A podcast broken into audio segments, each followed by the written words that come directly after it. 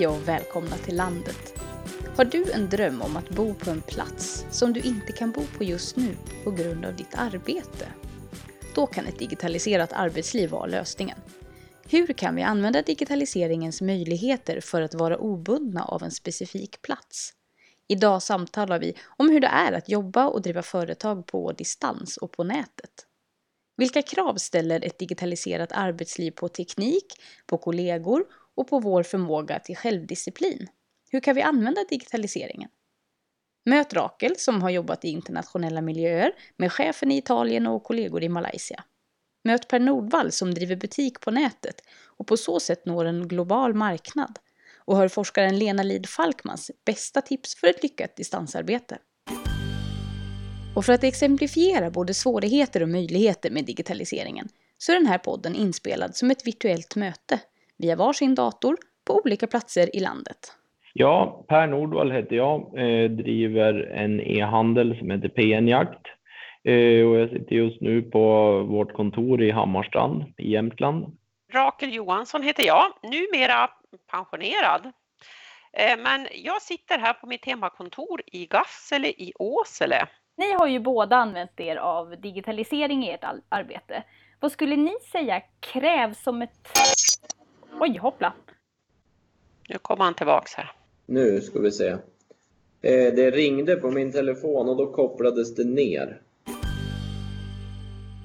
Vad skulle ni säga krävs som ett minimum för att kunna fungera som företagare eller anställd på, på landsbygden vad det gäller teknik? Ja, eh, för min del så har det väl egentligen, det krävs inte så jättemycket. Alltså vi har ju inte några stora krav på att det måste vara fiber till exempel eller så, utan men bred, någon typ av bredband Eh, telefon, mottagning för mobiltelefoni, eh, ström liksom är väl eh, en basic grej, men det är ju i stora drag det, det vi behöver. Det pratas ju mycket om att man ska bygga ut till fiber överallt och det är ju ingenting, om vi har ja, som vi har använt i jättemånga år, liksom ADSL med 2 megabit så fungerar det lika bra. Vi har inget stort behov eller, eller krav på, på någon viss bandbredd eller hastighet. Jag, kan se, jag ser det både från den anställdes perspektiv och från företagens perspektiv. Som anställd som ska jobba på distans till vilket företag som helst så behövs ett stabilt bredband.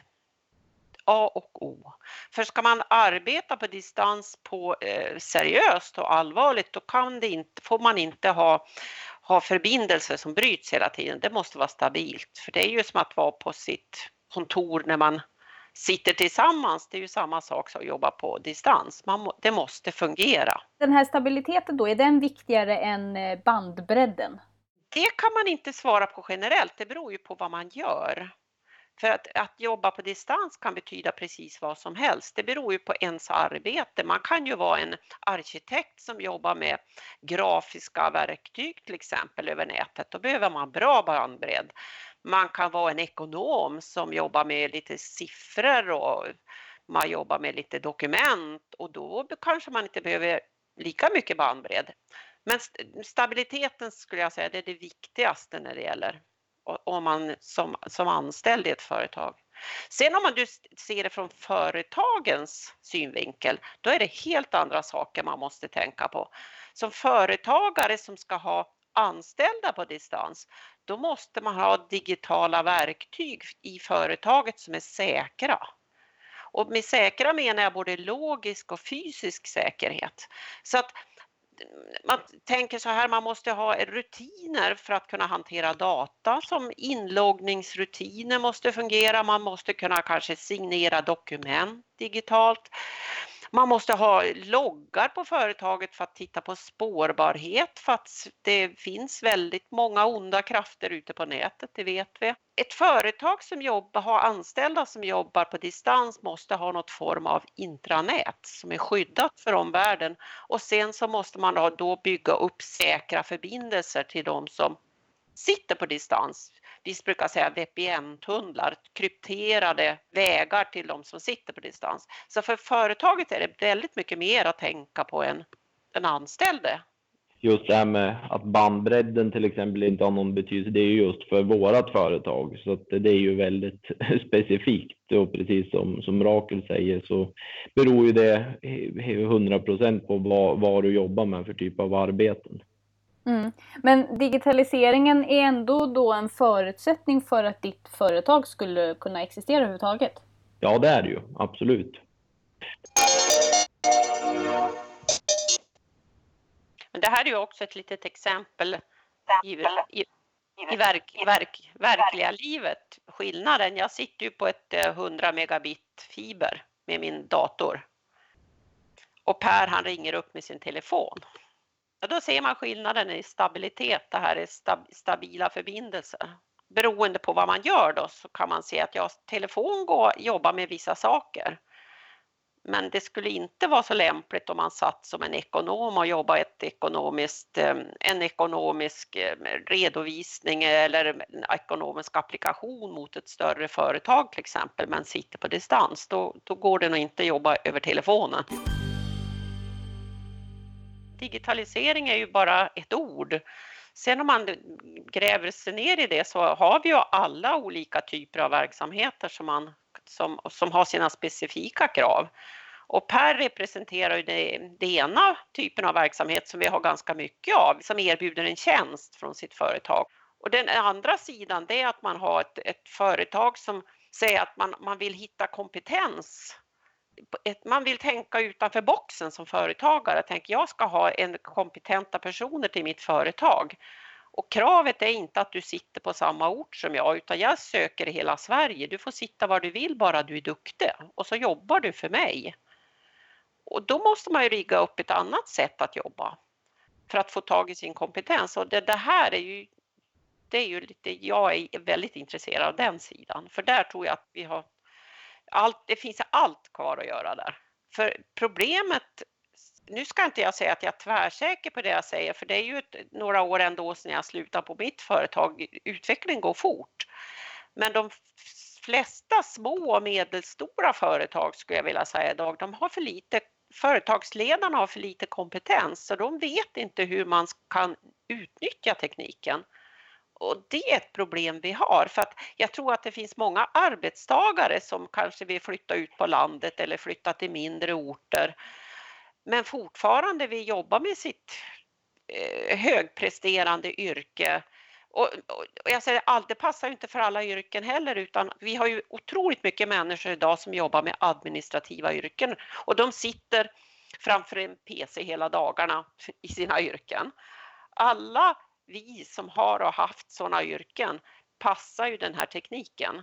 Om vi säger att du är anställd och jobbar på distans, vad krävs det av mig som person?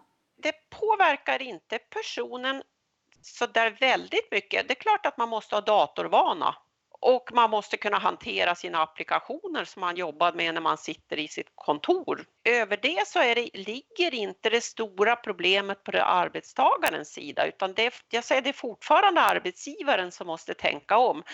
För som chef så kanske du är van att gå in till din arbetstagare och titta in på morgonen och säga hur går det? Har du problem med det du gör? Och det kan inte du göra på distans. Du måste alltså lära dig att strukturera arbetsuppgifterna för dina anställda. Du måste köra mycket mer målstyrd verksamhet där man lägger mål på medarbetaren som, och följer upp väldigt ofta. Det är ett nytt sätt att jobba för arbetsgivaren. Det är där det sitter. Handlar det egentligen mer om kommunikation då än att jag har en viss form av självdisciplin eller sådär? Ja, absolut. Alltså självdisciplin, det har inte med saken att göra. Jag har aldrig, jag har ju jobbat så här i så många år och jag har alltid haft väldigt mycket att göra och fått jobba väldigt hårt fast jag har suttit hemma för att jag har haft mycket stora krav på mig från företaget vad jag ska prestera. Och det jag ska prestera, det följs ju upp och det här är ju tydliga krav när saker och ting ska vara klara. Sen att när man sitter hemma kanske man har en fördel att man kan gå och stoppa in tvättmaskin under tiden man jobbar. Eller hur? Men egentligen jobbar man mer och mer intensivt när man jobbar hemma eller när man sitter på ett kontor och blir störd hela tiden av alla möjliga sociala aktiviteter man sysslar med på ett kontor. Du då Per, som, som jobbar digitalt men, inte, men ändå har dina kollegor omkring dig. Skulle du kunna tänka dig att ha en del av dina anställda på länk istället?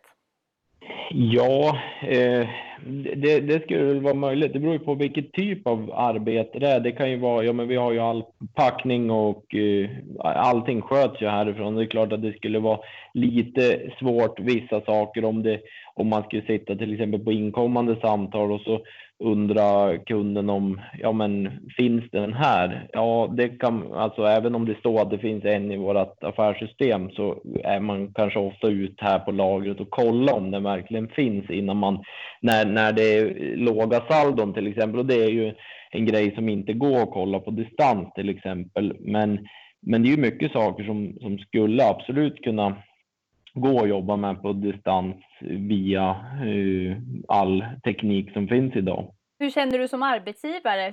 Skulle, skulle det liksom ta emot att börja ha dina anställda inte i, i den fysiska miljön eller vad man ska säga? Det är väl både och. Det är väl bara för att man är van att uh, se dem på morgonen när de kommer och det är ju det är någonting som, som har levt eller liksom lever kvar i, i att man är van och liksom, ja, men man ser att de kommer i tid eller eh, och så vidare liksom. Och, men, men det går ju precis som Rakel att säga att du har du har kanske egentligen inte arbetstider utan du jobbar med projekt och du jobbar med deadlines och mål som ska vara klara en viss tid och sen om du gör dem på en två dagar eller tre dagar spelar inte så stor roll. Ni skulle göra en framtidsspaning, hur utvecklas möjligheterna med digitaliseringen? Ja, eh, möjligheterna ökar ju radikalt som, förstås och det, det är någonting som utvecklas hela tiden. Så att, eh... mm. Jag tror att det här har framtiden för sig. Jag tror att det blir, kommer att bli någon catch-up-effekt. Därför att när företag, ISIT-företag inser att det ligger pengar i att att eh, skapa distansarbetsstandarder för olika branscher, då kommer det här att explodera därför att företagen behöver hjälp. Idag finns det jättemycket olika applikationer för att jobba på distans och alla ser olika ut. Precis som att vi har ett Microsoft-applikation som ser likadan ut, man har knapparna på samma ställe och oavsett vad man gör för program så känner man igen sig man behöver sådana standarder för att jobba på distans också. Flera lyssnare har ju en önskan om att kunna jobba från den plats där de bor eh, i olika landsbygder. Och eh, en del kanske bor i städer men, men drömmer om att kunna flytta ut och på något sätt ta med sig sitt yrke eller vad man ska säga. Vad har ni för tips för att det ska bli verklighet? Ja, det är ju en svår fråga som jag har funderat över många gånger vad det var som gjorde att att jag lyckades eller försöka utröna för det, det kommer till många företag varje år inom den här branschen och det försvinner ungefär i samma takt. Eh, och det jag tror som är en nyckel det är att du, du måste vara ute tidigt. Alltså när e-handeln, när jag startade för 12 år sedan, då var inte e-handel alls så stort och då är det ju lättare och billigare och, och, slå det fram eller lyckas eller hur man ska uttrycka det än vad det skulle vara om man startade idag. Då kanske man måste ha satsa väldigt mycket pengar för att nå någonstans och det är inte säkert att man når dit man vill ändå för att konkurrensen har hårdnat. Men tack vare att man är ute i tid så får du ett försprång som är om du inte är extremt duktig eller har mm, mycket pengar via någon finansiär eller så i ryggen så eh, kan det vara liksom så att eh, det är väldigt svårt eh, och om man inte är med från start. Alla ska trycka på sina företag och säga att jag vill jobba jag vill jobba på distans och man ska säga det till sina företag. Man ska inte vara rädd för att uttrycka sin önskan. Och om en uttrycker det, då händer ingenting. Men om tusen börjar säga samma sak, då, då börjar intresset vakna för att det här går ju faktiskt lösa. Så har jag ringt upp Lena Lid Falkman som är forskare på Handelshögskolan i Stockholm eh, och hon har skrivit boken Virtuella möten, effektiv gränslös kommunikation. Hon är också på väg att flytta till Ölme i Värmland från Åkersberga som ligger utanför Stockholm. Var sitter du nu någonstans Lena?